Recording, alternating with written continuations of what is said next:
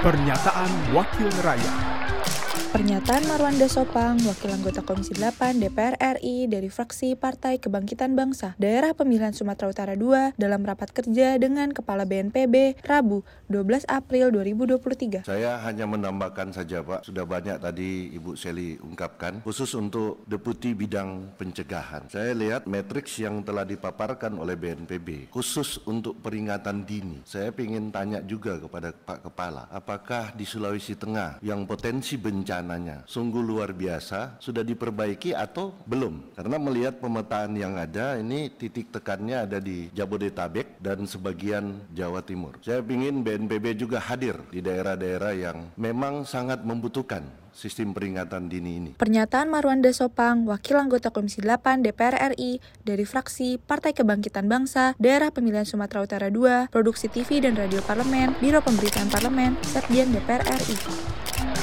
Pernyataan Wakil Rakyat